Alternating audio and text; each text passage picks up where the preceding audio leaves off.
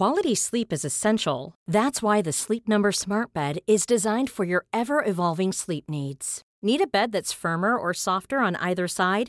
Helps you sleep at a comfortable temperature? Sleep Number Smart Beds let you individualize your comfort so you sleep better together. JD Power ranks Sleep Number number 1 in customer satisfaction with mattresses purchased in-store. And now save 40% on the Sleep Number limited edition Smart Bed for a limited time.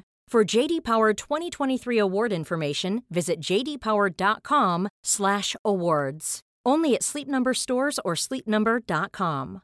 A lot can happen in the next three years. Like a chatbot may be your new best friend. But what won't change? Needing health insurance. United Healthcare Tri Term Medical Plans are available for these changing times.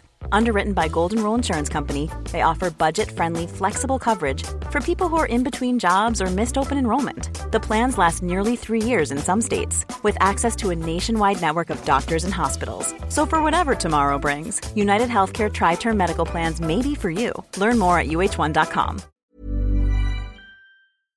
Början på nytt. Hej och välkomna till bögministeriet. Mitt namn är Robin Olsson, er ettriga bög i eten. Jag sitter där med, eh, med Mårten Andersson. Hej! Eller Martin, som du Ja, heter har ni på, sett det? eh, Mm. på Facebook. Men ni vet varför?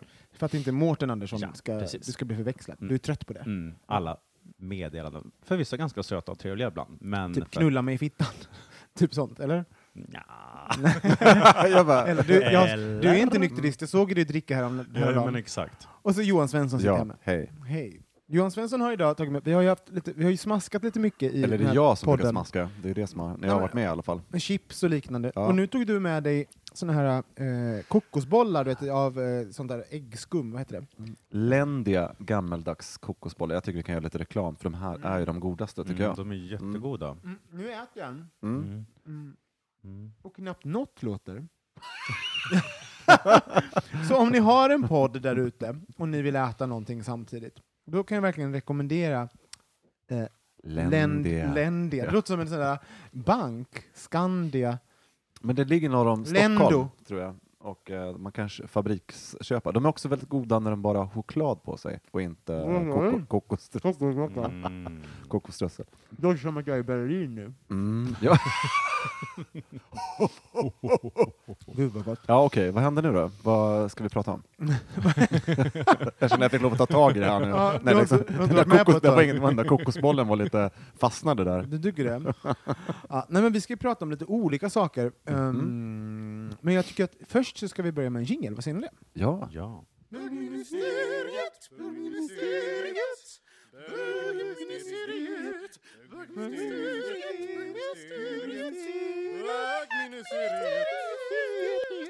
Vi ska da, ta och sätta igång med ett eh, lyssnarbrev Mm. som eh, lyder. Hej bögministeriet. Jag älskar er podd. äsch då, Mm. äsch då. Eh, tänkte, eh, en, har en fråga och är intresserad om vad, vad ni tycker om det. Jag och min pojkvän är ganska nyinflyttade till Stockholm från en annan stad. Allt känns fortfarande nytt. Hur skaffar man nya vänner i en storstad? Alltså inte hookups på Grindr eller QX, men böggänget som man spenderar tid tillsammans med. Liksom, hur hittar man sitt bögministeriet? Hälsningar, Paul. Mm. Mhm. Välkommen var- till Stockholm. Välkommen Paul! Väl, välkommen Paul till Stockholm! Ehm, det är helt omöjligt att hitta sitt bögministeriet. Vi är så unika Mm. eh, och sammansvetsade. Nej, vet du vad? Det, så är det inte. Men, men vad, vad, vad, hur- vad gjorde du Mårten när du flyttade till... eh, Till Stockholm? Ja, men kanske flyttade hemifrån eller började umgås med bögar. Hur, vad var ditt tips för att, för att skaffa vänner? Alltså det ihåg när jag kom ut så tyckte jag det var just lite klurigt att hitta bögvänner framför allt. Och då kom jag ju ändå från Stockholm. Mm. Eh, det var först när jag träffade min, min eh, första pojkvän som jag fick på något- vis tillträde till ett här, bögkompisgäng, men det var via honom. Mhm. Eh, men det kan ju vara svårt att tipsa om just i det här fallet, för de är ju ett par. Mm. Eh, Så gör inte det då. så jag gör inte det. Jag skulle säga så här, vad är ni intresserade av? Att börja den ändan mer än att fokusera så mycket på att träffa nya vänner. Mm. Och där går vi vidare tycker jag.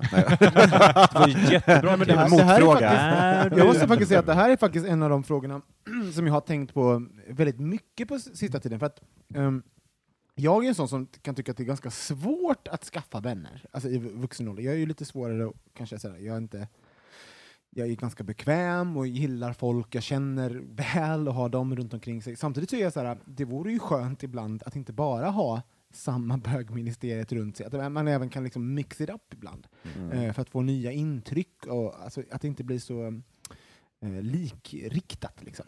Så jag, har, jag har tänkt jättemycket på det och tycker det är, också det är skitsvårt. Så jag förstår verkligen att, att de undrar.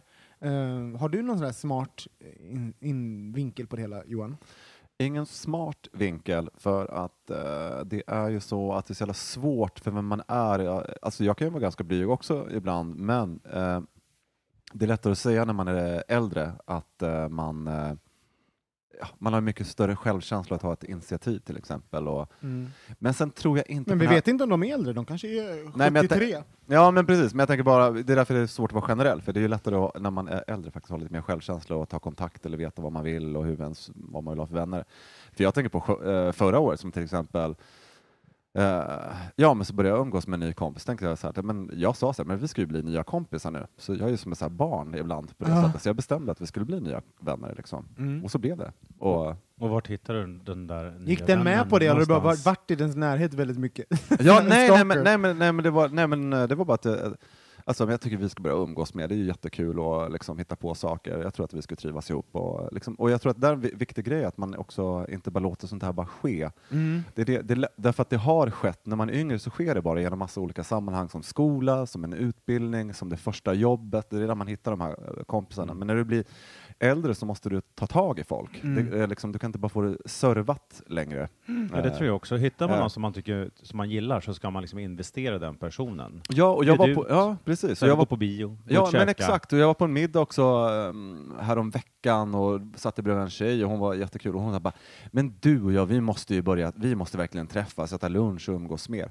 Men med det sagt så har, har, har jag också varit i givna sociala sammanhang. Mm. Det här är också två personer som kommer eh, nya till stan och det tycker jag är lite klurigare. Fast ehm, du är inne på någonting som är det här att, att säga någonting så här. Du, du är supertrevlig, dig vill jag umgås med. Det är vilken komplimang Mm. att höra, att någon Ja. som säger så. Och, och det är ju det bästa man kan göra med någon, tror jag, att eh, ge dem en, alltså, att, att säga att man vill umgås med dem eh, och därigenom smickra dem. Det är ju ett, en ypperligt s- början på en vänskap. Ja, men sätt. precis. Och sen om, man, om vad det utvecklas till, det är en annan femma, men det är ju en jättetrevlig början som du säger. Ja, och var tydlig med vad du, vad du vill. Mm. Men ehm, vilk, eh, jag tror ju också sådär att typ, det är ju, alltså, om- nu ska jag inte, klart alla vill inte gå ut och alla vill inte festa, men, men det är ju ett, ett ganska bra sätt att träffa folk, att gå, gå på krogen. Alltså till exempel så här, gå på sidetrack eller torget. Alltså det, är så här, det finns, typ Melodifestivalen är nu till exempel. Du vet att de, de visar ju Melodifestivalen på lite olika eh, så här, bögställen. Nu kanske inte de gillar Mello, men det är ett ypperligt sätt. Det är, alla tycker någonting om Mello. Eh, då gå dit och liksom eh, våga, våga prata med en främling bredvid dig på, på eh, baren. Och, Mm. eh, Ja, för ett gay-sammanhang, alltså gayvänner man söker, man kanske gillar dansa, queer-salsa finns, alltså gå på någon kurs, träffa folk, Mm. eh, engagera er i new, newcomers på RFSL med andra som kanske vill jobba med samma saker, volontärarbete som du själv vill. mm. Så jag tycker det finns an, andra arenor än just att gå ut och, och parta om det inte är det man har lust att göra. Så, så måste jag säga att det, det finns ju, de säger här, om man inte vill vara på Grindr och QX, jag kan förstå att det kan vara känsligt för så här, par och sånt, men, men det finns ju, eh, alltså när man reser och sånt, då, då är det faktiskt det bästa sä- sättet att träffa kompisar på, är Grindr och liknande. Alltså så där, och jag vet att det är främst en hookup-sajt, men det kan man ju vara väldigt tydlig med att det här, det här vill jag inte eh, göra och jag letar bara kompisar. Att ha en sån profil, kanske ska starta en profil tillsammans på Grindr där ni säger så här Eh, vi, vi ett par har just flyttat till Stockholm, söker nya Ja, visst, kompisar. Ehm, det tycker jag, det är ju bara, det känns det är ju charmigt tycker jag. Mm. Men sen är det ju lite svårt, vi pratade ju om det i något program tillsammans, just den här grejen med att vara social och, och där hade vi även inom vår grupp eh, folk som sa så här att jag går inte fram och pratar med nya Nej. människor och, och jag kan tycka att eh, gay-sammanhang kan vara lite kluriga på det sättet och speciellt när man går ut som i ett festsammanhang så är det ju så att eh, folk är väldigt mycket fokuserade på att bara prata med folk de tycker är snygga och attraktiva för sig själva. Mm. Ehm, och där kan ju bli lite stelt tycker jag, så att, ehm, det är, jag, jag tror också att det är lite klurigt. Ehm, Men om man är till exempel, jag tänker att eh, eh, för de gånger jag har träffat kompisar har ju oftast varit så här att, man, att det har varit att jag har, alltså nya vänner i vuxen ålder, har ju varit att jag har blivit antingen sett till att skapa en miljö som, eh, där någon jag känner kommer till och kanske tagit med sig någon ny. Så jag menar, de, de känner väl kanske någon här uppe. Alltså, om jag har haft fest till exempel, så nu nu känner Rasmus och alla de här det är för att folk, ni drog med dem, Mårten, till, till mitt hem och då Mm. lärde jag känna dem. Så att kanske skapa, ha en middag, bjuda in dem ni känner på den middagen och be dem ta med sig, ta med en kompis. Liksom. Den typen. Mm. Att typ använda sitt hem och att skapa de här sociala situationerna för att, eh, ja, för att få kompisar. För det är ju, man kan ju inte gå fram till någon på gatan och bara vi ska umgås. Nej. Eller det kan ju, g- ganska många som skulle säga absolut, men då skulle de nog bo hos dig sen också. Mm. Men jag tänker på den frågan, så här, hur får jag mitt eget bögministerie? Och eh, jag förstår att frågan var ställd lite, lite skämtsamt, men som det var för oss. Vi var ett kompisgäng som umgicks och sen så hittade vi en gemensam aktivitet som har liksom fört oss väldigt mycket samman. Fast nej, vi, var en, vi, var, vi har en gemensam nämnare och det är egentligen Thomas Karlhed. Ja, så, Allihop. ja, ja, men från början ja, men jag menar sen när vi väl var introducerade så startade vi podden efter menar jag. Mm. Och jag tänker det att hittar man folk som man gillar så kan man också starta projekt tillsammans med folk som man gillar. Alltså kanske man kanske tränar tillsammans eller man gillar att gå, gå på museum eller, Mm. eller vad annat. Rida. Grupprunk, Mm. mm. alltså, runka bulle. Mm, Mm. Det också.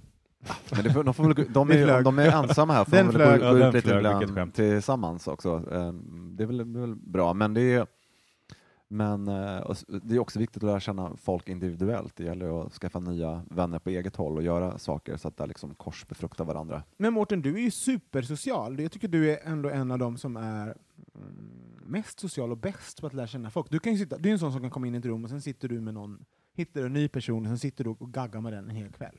Mm. Nej, vad- vad det är- gör Mårten inte, utan han sitter och intervjuar personen i en Mm. hel kväll. Var det kritik Johan? Nej, men jag bara säger vad jag ser. jag bara Vad säger är vad det är, ja, vad Vad är gör. ditt tips då? För du är ju Ja, väldigt exakt. duktig med att ta kontakt. Men det är faktiskt ett väldigt effektivt sätt att intressera sig väldigt mycket för en annan människa. Ja, Eh, absolut. Det är Håller ett med. sätt verkligen, alltså, jag tycker, det blir svårare att skapa kontakt om man bara pratar om sig själv, för det kan man ju möta ibland när man är i vissa sammanhang, när man säger hej till någon och sen så Ja. börjar den hålla en monolog om sig själv. Mm. Mm. Det skapar sällan mm, liksom en grogrund för en relation. Så att, så att vara, om man befinner sig i en ny, en, eh, ny situation där det, det, sociala kontakter eh, kan knytas, helt enkelt att visa jättemycket intresse för de här personerna. Så Mm. Ställa frågor, ställa mot, eh, liksom, följdfrågor, Mm. och vara fascinerad. älskar, men och folk älskar ju att vara, se, se, vara se, sedda. Det är ju det Ja. bästa som finns. Jag gick ju på en kurs förra veckan och jag vill inte gå in på detaljer på den, men jag vill gå in på en övning som var intressant och Mm. det här med att ställa frågor. Och då skulle vi skriva tio frågor Mm. eh, till en person som då är okänd för oss. Och det är svårare än man tror eh, vilka frågor som är öppna eller stängda. Och när man kommer, när man skrivit den femte frågan, de första fem frågorna är lätta att skriva, men sen efter femte frågan, då blir det mer ansträngande. Och det är det man måste lära sig att anstränga sig. Och jag tror att det är ganska tufft när man också eh, hela tiden går ut och ska träffa nya människor. Man blir trött av det, det är som att speeddata. Man orkar inte med att engagera sig i, eh, i folk heller. Så det är ju också det lite Så den femte också- frågan är liksom, att komma på den. Ja, du, det är nästan så, i, i, som, i den kursen jag gick, för det handlade ju om, om affärsrelationer och annat, men det, du måste nästan öva in det, du måste nästan ha det med dig för att kunna driva en, en konversation. För att eh, om någon är tyst eller blyg, eller, det, det tar ett tag att etablera, Mm. Eh, det vet ju du som reporter också. Mm. Ja, men Herregud. det är öppna Är det- frågor i det som... alltså, Ja, men, men, men hur mycket själv. du har fått öva för att få det eh, naturligt hos dig. Att det, det kan låta jättehärligt när man sitter här och lyssnar på dig och du ställer en öppen fråga, till, men det är, det är inte naturligt hos många människor att göra det faktiskt. Utan man pekar på någonting som inte var trevligt, var på den här festen och vad fin rosa soffan är, vad mysigt de har här hemma. Mm. Tyst efteråt. Det är, ingen, alltså, det är mycket sådär, man måste våga titta på den som man möter och ställa frågorna. Jag, jag tror att det är mycket svårare. Där är ju du specialist, Mårten. Ja men faktiskt, ja, men du är ju det. Mm. Ja men det är ju lite att kunna, det är svårt att ställa frågor. Det är faktiskt jävligt svårt. Ja, men jag tänker det kan vara svårt att radda fem Ja. frågor, för det blir ju också att det är ju på något vis i mötet också nästa fråga väcks. Mm. Alltså, det handlar ju om att lyssna på vad folk säger. Ja, men exakt, just det. Ja. Mm. Jag gör all, det, det, gör, det är mitt, mitt bästa tips, att liksom lyfta en sak. När jag är på bra humör, och sen så pratar man med någon ny person, sen säger de någonting, sen så, bara, sen så gör man den här. Nej, gud vad intressant. Alltså, att man liksom lyfter en av de där sakerna, du vet nu mitt trick. För att då blir folk, oh, oh, oj gud, att det är bra, att det inte, så att det inte bara blir en enda lång full av liksom, sjok av frågor, utan någonting som, som man blir extra in, i, eh, så här, imponerad eller intresserad Då triggar den där personen igång. Liksom. Ja, då, ja. ja, jo, jo, jo, exakt, exakt. Jag har varit i Peru. Jag, bara, jag har alltid velat åka dit. Ja, Nej, men det är det jag menar, just det här första mötet med en annan människa är ju faktiskt eh, att få igång en konversation. Och det är ju jävligt, det är lite klurigt. Eh, och då måste man ju anstränga sig, och det är det inte alla gör, alltid. Kan, sen, på riktigt, det bästa vi har sagt hittills är faktiskt det här att man kanske, när man väl har etablerat den där kontakten, det är väl att kanske våga vara lite ärlig. Så här, ska, vi um, ska vi umgås? Ska vi, ska vi ses? Vill du hänga med på det här? Jag har en biljett till det här. Alltså skapa de där situationerna som eh, folk vill säga ja till. Men eh, man ska ju inte förringa heller eh, hookups som, som Nej, det. att, Nej. så, så att om ni är ett par som kanske har trekanter, ja men bjud in någon och ha lite... Jag vet, det finns ju folk i vår... i vår, på middag? Ja, precis. Ehm, sen så också kan jag säga att om ni, om ni ser oss ute så kom fram och säg hej. Uh, Ja. Du är toppen. Vi vill jättehälsa på eh, dig och din pojkvän Paul. Det är väl, Svarar vi bra på det här? Jag kände att vi jag bara det var lite, det var lite svamligt, lite. men vi har inte, Ja. vi har inte spenderat liksom 35 minuter på frågan, utan mer än 10. Så det får väl vara okej. Ja, jättebra tycker jag. det är väl helt, helt enkelt vara Ja. modig. Mm. Ja, och Så. tydlig. Modig och tydlig Paul, lycka till! Ja, jag, jag tänkte faktiskt att jag skulle haka på det där med vår, eh, lyssnarbrev. Det kom ju en, en ström från er kära lyssnare. Eh, och eh, sluta aldrig, ska vi väl säga. Aldrig! Aldrig, aldrig, aldrig. Sluta aldrig! Vi njuter av varenda rad. Och så man gör för att um, höra av sig till oss, då skriver man till hej bogministeriet.se och eh, skriver vad ni vill att vi ska prata om, eller om ni har en fråga eller en fundering. Ni kan även skriva på Facebook, bögministeriet. Ja, och här kommer brevet. Hej! Jag är superintresserad av att höra er prata om bögar versus bi, eh, bimän. Jag har förstått att det inte är en, ett helt okomplicerat ämne. Vad tänkte, eller vad tänker, tror jag att hon menar, vad tänker och tycker ni? Vad tycker och tänker Stockholms och världens bögar? Mm, vi ska representera många här. Mm. Jag är en sån där kvinna. Jag har en relation med en väldigt bögig bisexuell man. Han umgås nästan bara med bögar och alla hans vänner läser honom som väldigt homo. Dock har han i bögkretsar presenterat sig varken som bög eller bi. Men nu när han träffar mig får han utstå en del pikar, skämtsamma kommentarer och till och med en del sneda blickar. What's up med det liksom? Bör kanske tilläggas att jag är ganska queer, hänger mest i fetischer, eller fetischgäng kanske det menas, eh, bögar och eh, BDSM-folk och andra normbrytare. Så det är verkligen inte något monogamt vaniljförhållande det är frågan om. Tvärtom. Med vänlig hälsning, bögtjej. Mm. Spontana reaktioner på det? Eh, Jag älskar att hon är en bögtjej. Mm, um, nej, men kan förstå alltså, att det där är... mm, För så, så där har jag nog också, alltså historiskt har jag... Jag minns när jag var yngre så hade jag jättesvårt att liksom greppa bisexualitet, för jag tyckte nog att det var lite läskigt. Och, och på samma sätt som, som um, eh, liksom, straighta, kanske, vissa straighta tycker att eh, heteros, eh, bögar är eh, hotfullt, så kanske jag kände mig hotad på något sätt, att det fanns eh, att bis, av bisexualiteten. Liksom. Eh, sen har jag ju med åldern eh, mognat till det och nu känner jag mig inte det som något hotfullt. Så att jag kan förstå att, hon, att, att det händer. Ja, alltså jag tror att, att bisexuella har väldigt låg trovärdighet i, i bögerkretsar. Och det tror jag handlar om att väldigt många bögar, mig själv inkluderad, kom ut som bisexuell och sen så här, nej, jag är egentligen bög. Och jag, den historien har jag också hört från, från många Mm. vänner. Och så den. dömer man det liksom efter andra som är bisexuella, så att det är bara en fas. Så här, Mm. Kom ut, liksom, drop it. Gjorde, du, gjorde, du den? Ja, ja, ja, ja. Jag gjorde också den. Jag sa också att jag var bi. Det de tog en månad i och för sig, sen så bara, nej, okej då. Ja men absolut, det gjorde jag också. Jag tror att, att, att, att man tänkte så naturligt också, för att det var en process på det sättet. Det var inte... Ja. Mm. Och då, och då är, så, vi, så många tror helt enkelt att de andra, de har, folk har fastnat i processen. Liksom. Alltså att den, den, Mm. den, folk har stannat av, de är på väg att utvecklas till det här. Ja, att de inte är ärliga. Man säger, men kom igen, liksom. det där är inte, är liksom, det är inte uppriktigt. Mm. Sen så är det ju så också att det finns ju väldigt många, alltså som bisexuell så är det ju väldigt enkelt att passera som heterosexuell. Och det, jag tror att det är det som jag, jag så att att, eh, när saker är svårt, då är det lätt att man tar det som är lite mer enkelt. Jag, jag tycker att eh, bisexuella hörs inte så mycket. Alltså, och de kanske inte får plats heller, såklart. Det är, med, det är inte lika eh, ja, men det, det är inte lika eh, synligt som homosexualitet. Mm. Ehm, Känner ni någon som är bisexuell, som definierar sig Ja. som bisexuell? jag känner ett par stycken, men, eh, väl, men väldigt få. Och de, för de flesta blir, lever sen i en heterosexuell relation. Och jag undrar om det är för att, för att det är enklare. Och det är en del av, liksom, jag tror det bottnar i det här också, att, Mm. eh, att till slut, at the end of the day, så är det väldigt många bisexuella som jag vet som kanske har valt att leva heterosexuellt. Eller, ja. Ja, men det läste jag om i, i för flera år sedan i Dagens Nyheter i, om en kvinna som berättade att hon, eh, ja, hon var bisexuell och hade levt med en kvinna och i flera år och sen så blev hon tillsammans med en man och hon var, så, det, här, det var som en krönika eller någon skrivit till. Mm.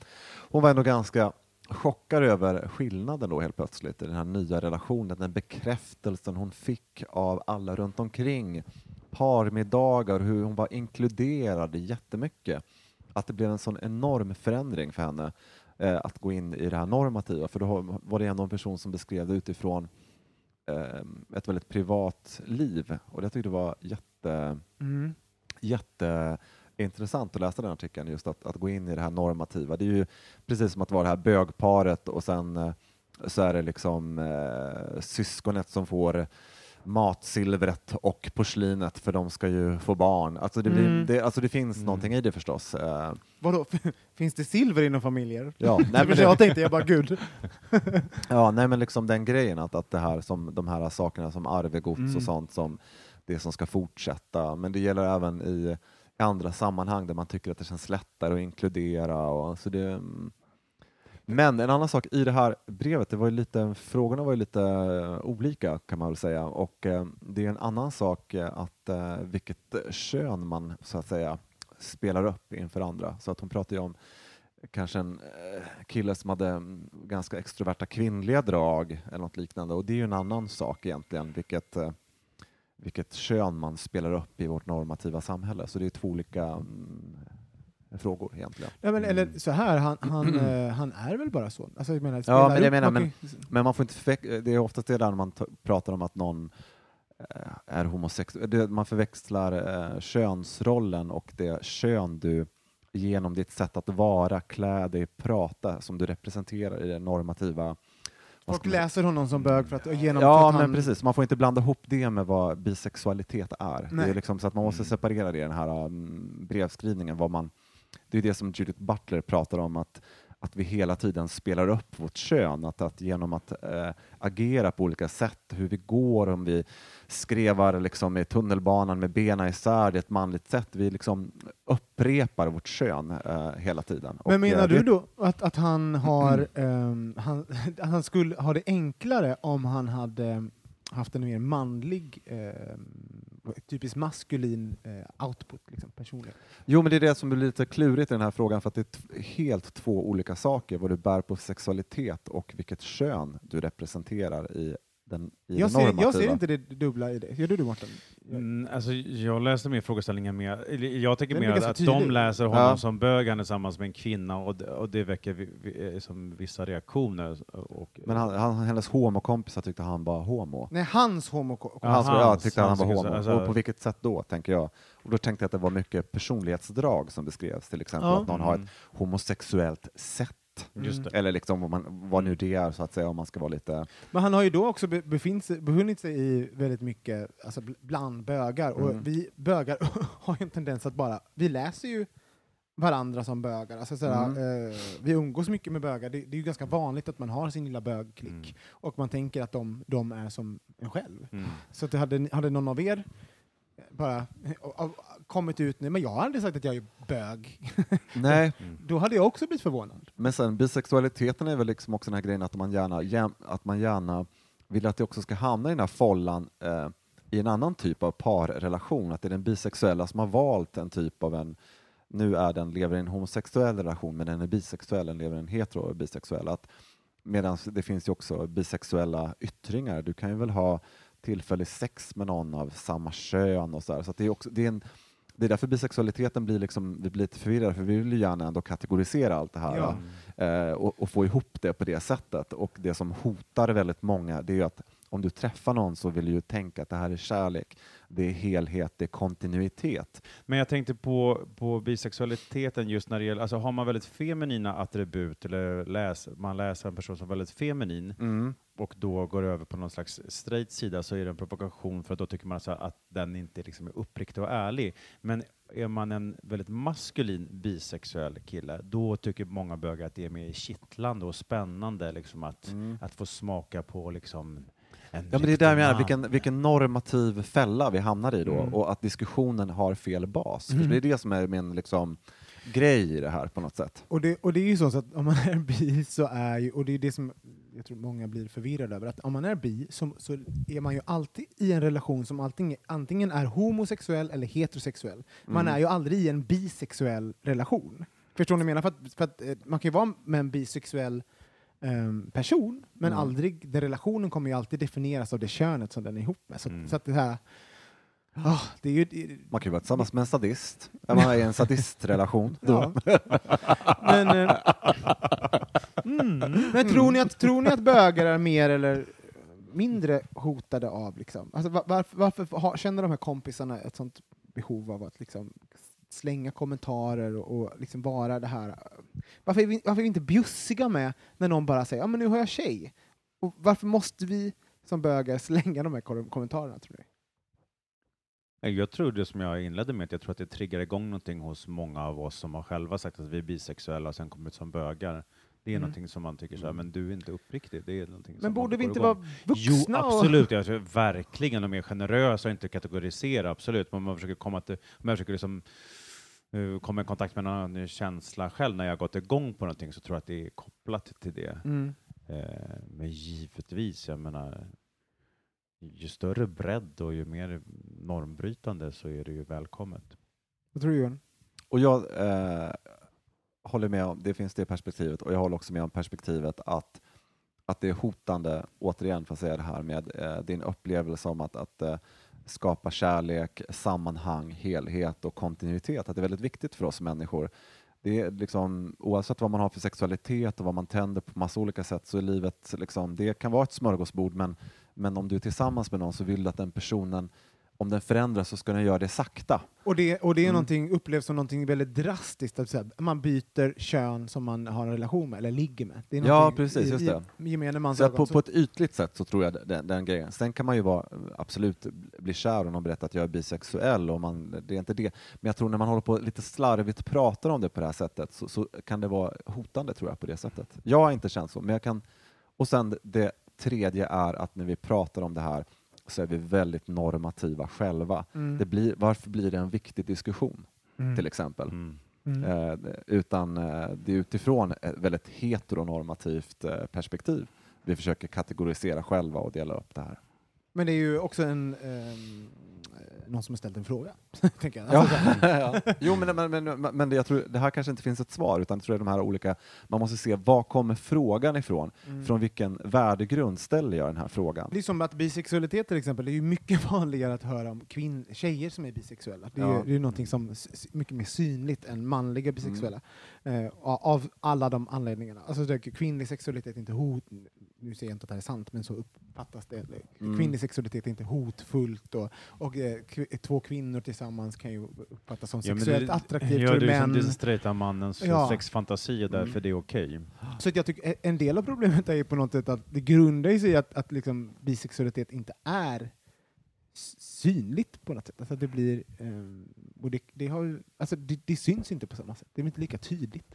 Um, Nej, precis. För- men, och, och, och just vår, för man vår, hamnar i något av de andra facken. mm, men det är också vår besatthet av struktur i vår vardag. Oavsett hur bohemiska vi tycker att vi är eller lever våra liv så vill vi ha struktur. Vi vill ha återupprepning, vi vill hitta lika nämnare och så fort någon börjar vara i något annat gränsland så, så ska det korrigeras och det är ju så. Så det är en mänsklig faktor också. Ja, hörde, jag Ja. hopp, du blev inte det minsta visare av den här diskussionen, men på riktigt så kan jag bara, jag kan Mm. förstå frustrationen av att du får kommentarer, Mm. eller liksom att han får kommentarer, men eh, ja, bögar, skärp till er. Om någon säger att de gillar något, det är väl bara helt enkelt att acceptera och vara lite respektfull. För det är ju Ja, faktiskt exakt. två som är kära och det är upp till dem. Mm. Ehm, vi går raskt vidare till nästa härliga ämne.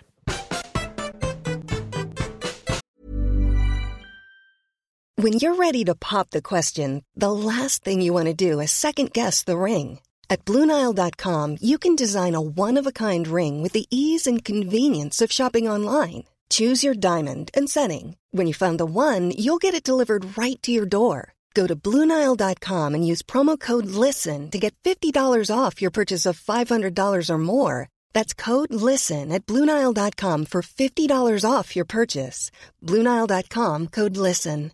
A lot can happen in the next three years. Like a chatbot may be your new best friend. But what won't change? Needing health insurance. United Healthcare Tri Term Medical Plans are available for these changing times. Underwritten by Golden Rule Insurance Company, they offer budget friendly, flexible coverage for people who are in between jobs or missed open enrollment. The plans last nearly three years in some states, with access to a nationwide network of doctors and hospitals. So, for whatever tomorrow brings, United Healthcare Tri Term Medical Plans may be for you. Learn more at uh1.com. Many of us have those stubborn pounds that seem impossible to lose, no matter how good we eat or how hard we work out. My solution is PlushCare.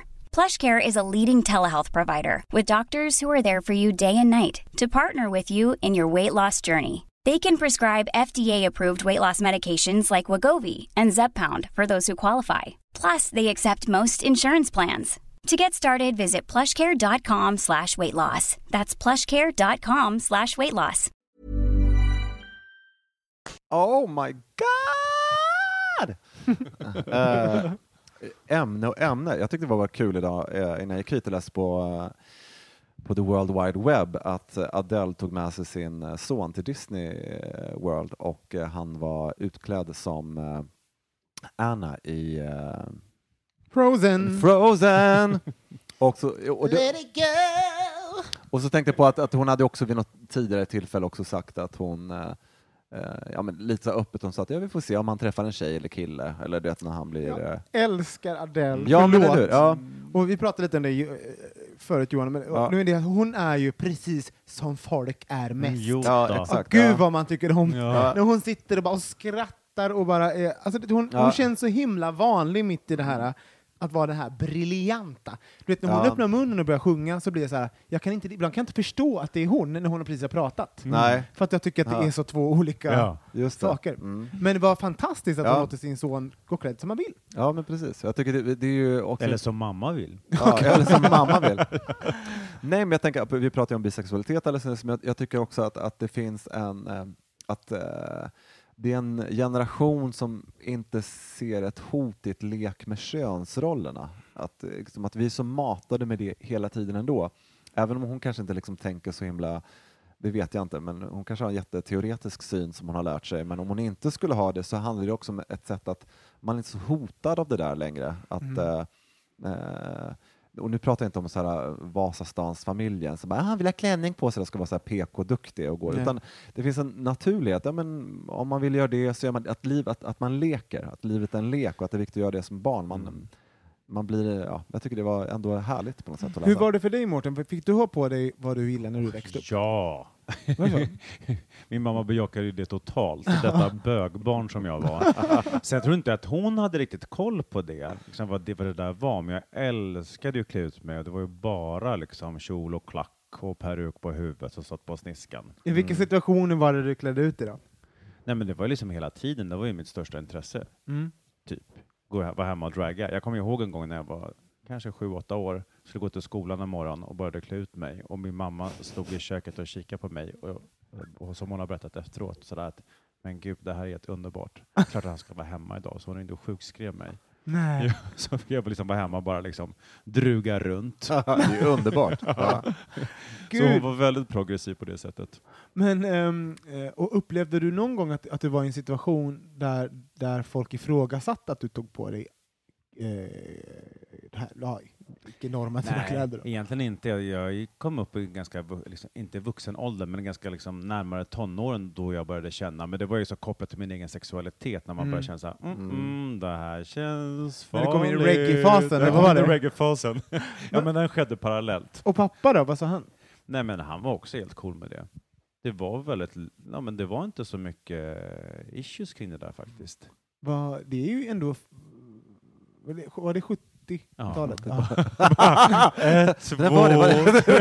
Nej, jag, jag, nej, men försökte faktiskt tänka ja, så här. Men då var det ju faktiskt också att det fanns ju ja. en våg då när man skulle säga pojkar skulle få, få erbjudas leka med dockor. Och liksom, så det, det, det, där var ju lite tidens ande också. Sen kanske jag drog det liksom till sin spets. Men det fanns verkligen i, i, mm. liksom i samtalet, samt, eh, eh samhällsklimatet. Alltså. Mm. Johan ja, då? kul. Mm. Eh, jag, jag och min syster vi eh, brukade också klä ut oss när jag var väldigt liten. Vi var fina damer. eh, Mm. Och hade typ så stora hattar. Ja, ja, det var verkligen ungefär som i så här Little Britain. Verkligen så här, because we were ladies. I'm a lady! I'm a lady. Och sen var det lite kul för att jag började med eh, ja, men jag började med teater när jag var väldigt liten, så här barnteater när jag var liten.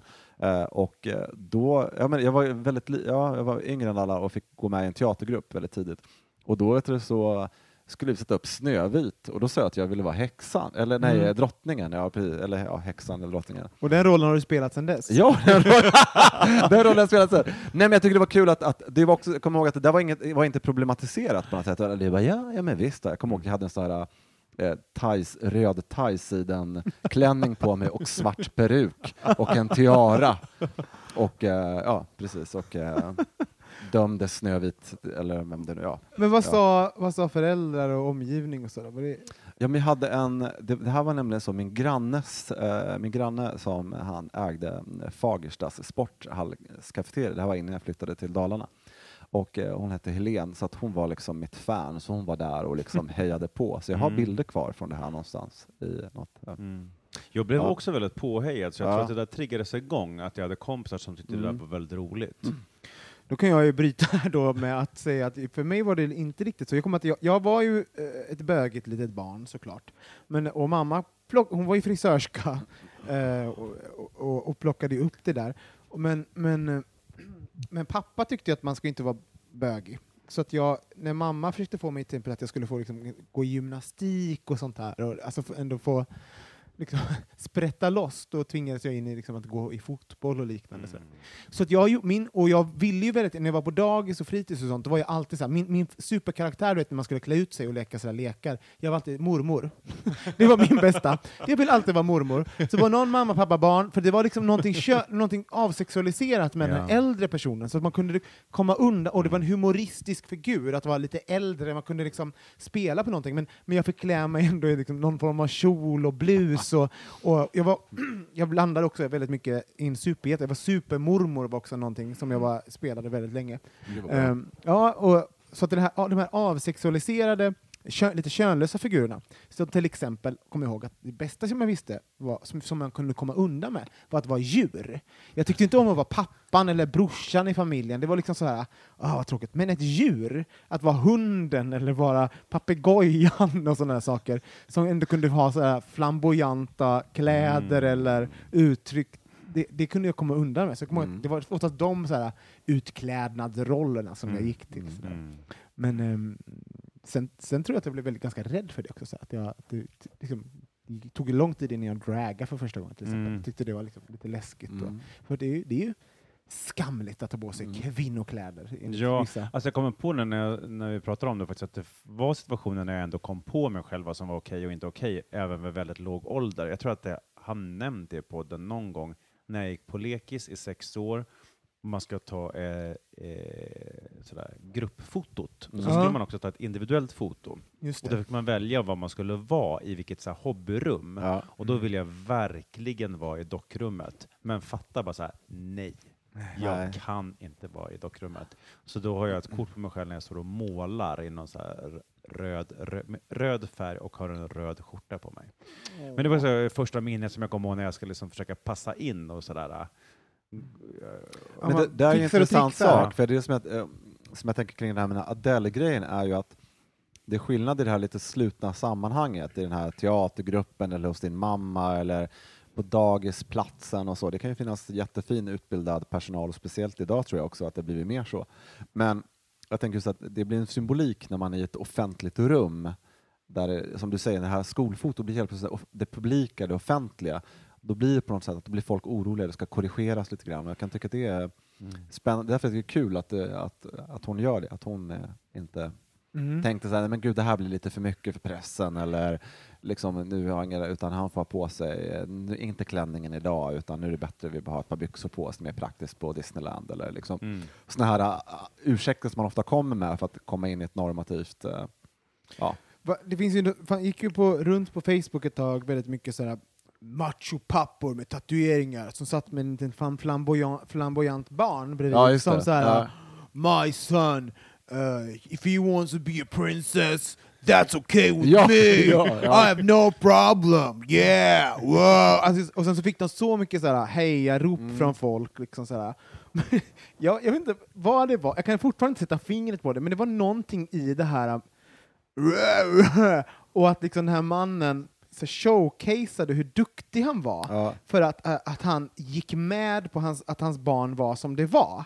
Och han var tvungen, för det visar ju också så att han mitt i det här då att han liksom, ja men du får gå klädd som du vill, Ja. var ändå tvungen att ta upp att det var någonting lite konstigt och att han, han var okej med det och gjorde, det gjorde honom till en bra människa. Eh, istället för att bara det där var lugnt, vi behöver inte, vi behöver inte göra en grej av det. Det blev ändå en grej. Mm. Eh, det, var fort, det kunde bara inte få lov att passera. Det tv- vi gör en YouTube-film av det. Det är ganska... Jo, Ja. men det är det jag menar. Att, eh, det jag, tänkte, det jag sa det här lite taskigt med den duktiga medelklassen, liksom, att man eh, gärna vill visa, ta lite queer-poäng genom att eh, man är nästan överlycklig och det instagrammas att barnet tog på sig klänningen till... Det, det är inte det sammanhanget där det är tufft, utan det är tufft i ett sammanhang där det är annorlunda. Mm. Det är ju det som är grejen på något sätt också. Men- Sen ska man inte, det är väl jättebra, att, att, men jag förstår din poäng. Ja. Eh, ja, jag, reagerade på det, för det var så Ja. himla många sådana, så det blev som en hel grej. Mm. Ja men vad, vad intressant. Ja. All kärlek till Adele, och ni som inte eh, har sett Vet intervjuer, han vet vem hon är. Ja. Som, ni som inte sett intervjuer med henne, hon är helt fantastisk. Gå in och Ja. titta lite, för att jag vet att det var ju någon, jag tror jag sagt det innan, att hon, de höll ju henne lite grann från media de första åren. Så här. För att hon är så rolig och hennes här Ja. rösten var liksom så mystisk på något sätt. Så Ja. man, jag kan inte låta henne prata, för hon bara... Ja, hon vågar inte sköta sitt eget Twitterkonto. Nej. Nej. Twittrade hon var full, det var ju roligt tycker jag. Jättekul. Har du något Right. mer i din, eh, Mm. i din goodiebag, Johan Svensson? Jag var med, jo, men jag fyllde ju 40 Ja. nyligen. Mm. Happy birthday to you, happy birthday. Nej, men nu, det, ja, det här är väl ingen så här jättepositiv grej jag kommer med nu, men, Nej, okej. nej, men det, det ska ta upp något lite negativt ämne. Men det var ändå så här, och jag vet inte om det är sant, men det var en eh, bekant till mig som sa att, att jag som bög, att jag var modig som firade min 40-årsdag. och så tänkte jag, men först fattade jag inte liksom vad han menade för någonting, liksom så här. men sen har jag förstått liksom, efteråt att det är många som inte firar sin 40-årsdag, bögar, för att de är fåfänga. De vill inte bli gamla och Mhm. äldre. Mm. Och tänkte, är det här någonting ni känner igen eller känner till? Ja, vi firar ju Thomas när han Jag är fyllde. ju 25, så att jag vet inte. Ingen aning. Vet du Eh. vad, det kan, man kan ju speglas i att så fort någon har fyllt 40, då är de 38 eller 39 forever på Grindr eller, eller Cruiser. Ja. Det finns, de är, ju- det är upp till liksom 49 är folk 38-39. Mm. Så det är ju någonting med just det här 40-årsstrecket som folk är rädda för. Så är det ju, verkligen. För 30-årsåldern finns någonting lite ungt fortfarande som låter i dem. Det är ju trean, tror jag. Ja, för jag hade ju på min inbjudan, stod, Barn är trean. ja, nej, men jag hade ju på min inbjudan, det var lite kul för att eh, då skrev jag så här, eh, att, att man ska komma och fira mig och så skrev jag att eh, I'm entering the old age of youth. mm. Och det är, så här, det är ett gammalt citat ifrån uh, Citralt.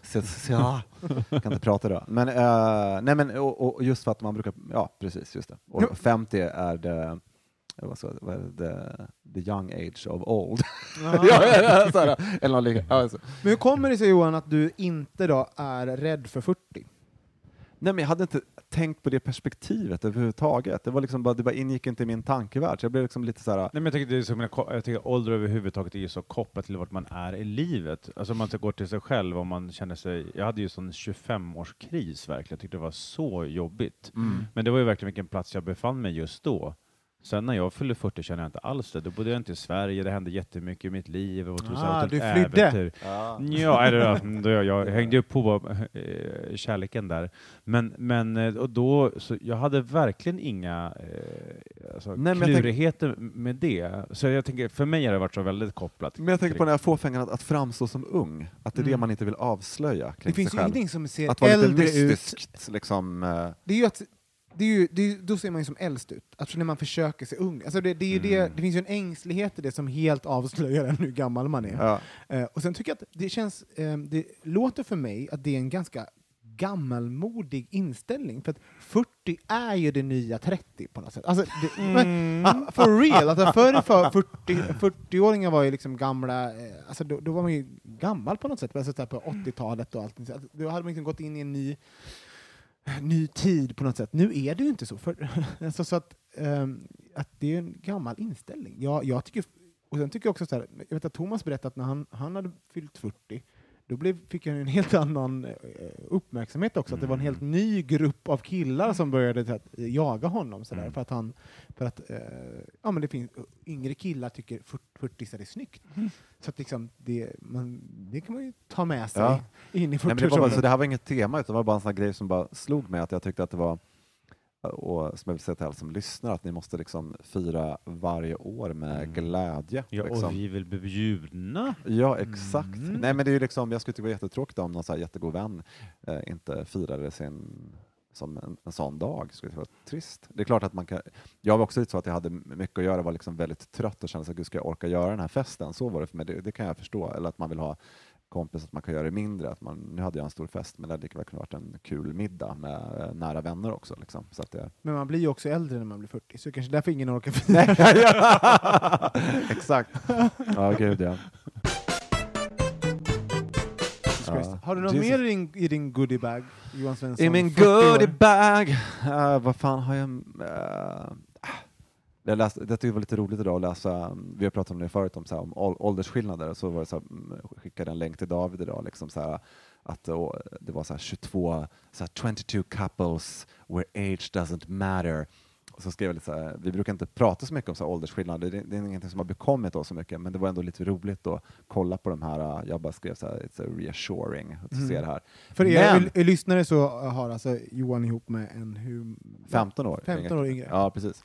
Men, eh, det, men då var det ändå så här, alla brukar alltid vara så öppna och prata, bara, åh men gud, kärleken den, eh, det gör, ålder gör ingenting. Jag tycker att, att det, det, det spelar, spelar absolut roll, det är ju jättelöjligt att låtsas som, som att det inte är det. För jag blir också, här, men, när jag tittar i den där länken, med- bläddrade i Bibeln, såg man så här, vad heter han, Steven Sondheim som är 85 år gammal tillsammans med en 38-åring. För mig skulle det vara helt så här, eh, overkligt på något sätt. Ja men, ja men på riktigt, man måste ju ändå kunna Men det är ju som folk som säger så här, säga vad man tycker. det är som, men det är som folk som säger, så här, I don't see color. Um, I don't, I, I, I, I, I never think that you're, uh, you're black. Alltså sådär. Man bara, Ja, hur kan du inte göra det? Det är, det är ju en... eh, Så jävla det är ju, för, förnekande. det är ju liksom. jätteförolämpande. Att, liksom, att du ser du inte en jättestor bit av vem jag är och mitt ursprung och min Ja. kultur. Alltså sådär.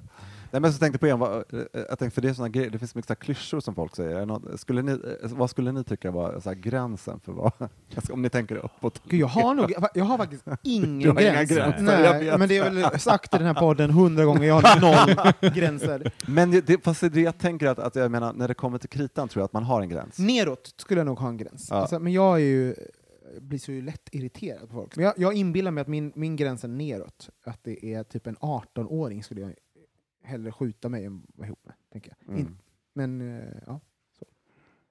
Inte för att ni inte är fantastiska 18-åringar, men jag kanske inte, jag kanske inte vill vara ihop med er, helt enkelt. det var roligt. Ja, Mårten, det du? Ja. Nej, alltså det beror på om man, om gäller om man ska ligga med eller vara ihop med. Mm. Men återigen... Eh, när Inga jag, gränser. inga gränser. Nej, men, men när, jag, när jag träffade Kristoffer så var jag verkligen så här, han är absolut för ung. Jag vill inte vara ihop. Jag kan inte vara ihop med någon som är så ung. Mm. Sen blev vi det ändå. Och han var 25. Men sen har jag, varit med, jag har haft relationer med folk som var mycket äldre än mig också. Mm. Så att jag har ju verkligen haft både och. Nej, men det är ju samma sak här. Nedre gräns, absolut. Eh, övre, ja. Fast jag Ja, det- alltså Uppsala attraktion så... så Nej, men det är det jag menar. Ja. Alltså, jag, jag tänker att inte det är hela grejen. Man tror sig ha olika gränser, och sen så träffar man någon som man tycker jättemycket om och har kemi med, och då, och då hoppar allt det där ut genom dörren. Det spelar Ja. absolut ingen roll. Ehm, ja, jag, tror, jag tror inte riktigt på åldersgräns faktiskt. Alltså, det var inget så hot topic. Jag har i och för sig eh, en ganska rolig grej som Sofia, ja, min kompis, eh, lärde mig, eller hon sa så här att eh, Hon är ju jättegammal. hon är ju jättegammal. Nej men hon sa det här att, att, ehm, att, det, att det finns en formel för, vem man, eh, för åldersskillnad och det är din egen ålder delat på två plus sju. Mhm, att det är Mm. den Mm. bästa. Nej, utan det är den, det är den så få åldersskillnaden i, liksom, i grunden ser ut. Så är du, 50 så är det 37. Nej, vad blir det? Nej. 47? Va? 32. 32 ja. är, är, du, är du 20 så kan du vara tillsammans med någon som är 17. Mm. Liksom. Hur fick jag... Är du, ja, men, är du 30 så kan du vara tillsammans med någon som är 22 som lägst. Just det. Mm. Ja. Är du 80 så kan du vara tillsammans med någon som är 47. Hörni, om ni, Ja. ni där hemma, And so on. Om ni där hemma har någon eh, åldersskillnad som är extrem och som ni vill dela med er av lite erfarenhet så skriv in till oss, vi vet en höra. Skicka bilder. Skicka bild. Åh, jag orkar inte. Um, hörni, och sen så vill jag även eh, liksom säga en liten grej här. Och det, eh, ni får jättegärna sprida våra avsnitt. Om ni tycker att vi har sagt någonting vist, någonting kul, någonting bra, så skicka gärna eh, vidare det på Facebook, eh, Twitter, Instagram och liknande så att fler hittar, ehm, hittar våran podd. Och ratea oss på iTunes såklart. Mårten, nu har du någonting. Ja, men vi tänkte vi skulle också avrunda med en, eh, litet, eh, ett, ett litet eh, klipp, ett litet ljudklipp. Mm?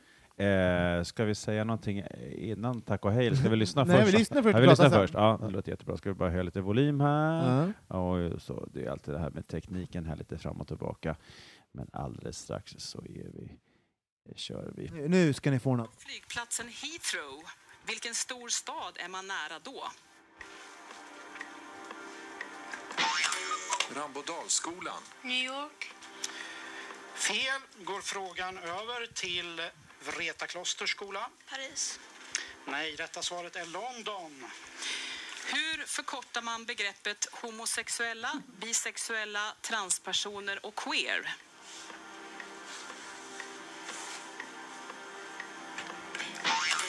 Rambodalsskolan. Utvecklingsstörda. Det är fel. Då går frågan över till Vreta kloster.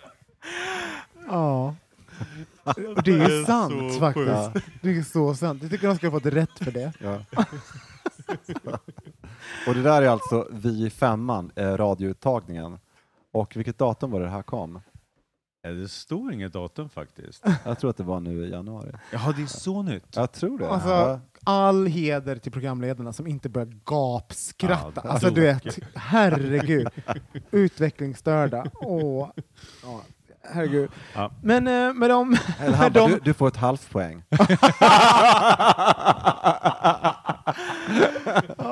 Ja, med de muntra orden, mina utvecklingsstörda vänner där ute i etern, så hörs vi igen nästa vecka. Ehm, puss och kram! Puss och kram! Hej då!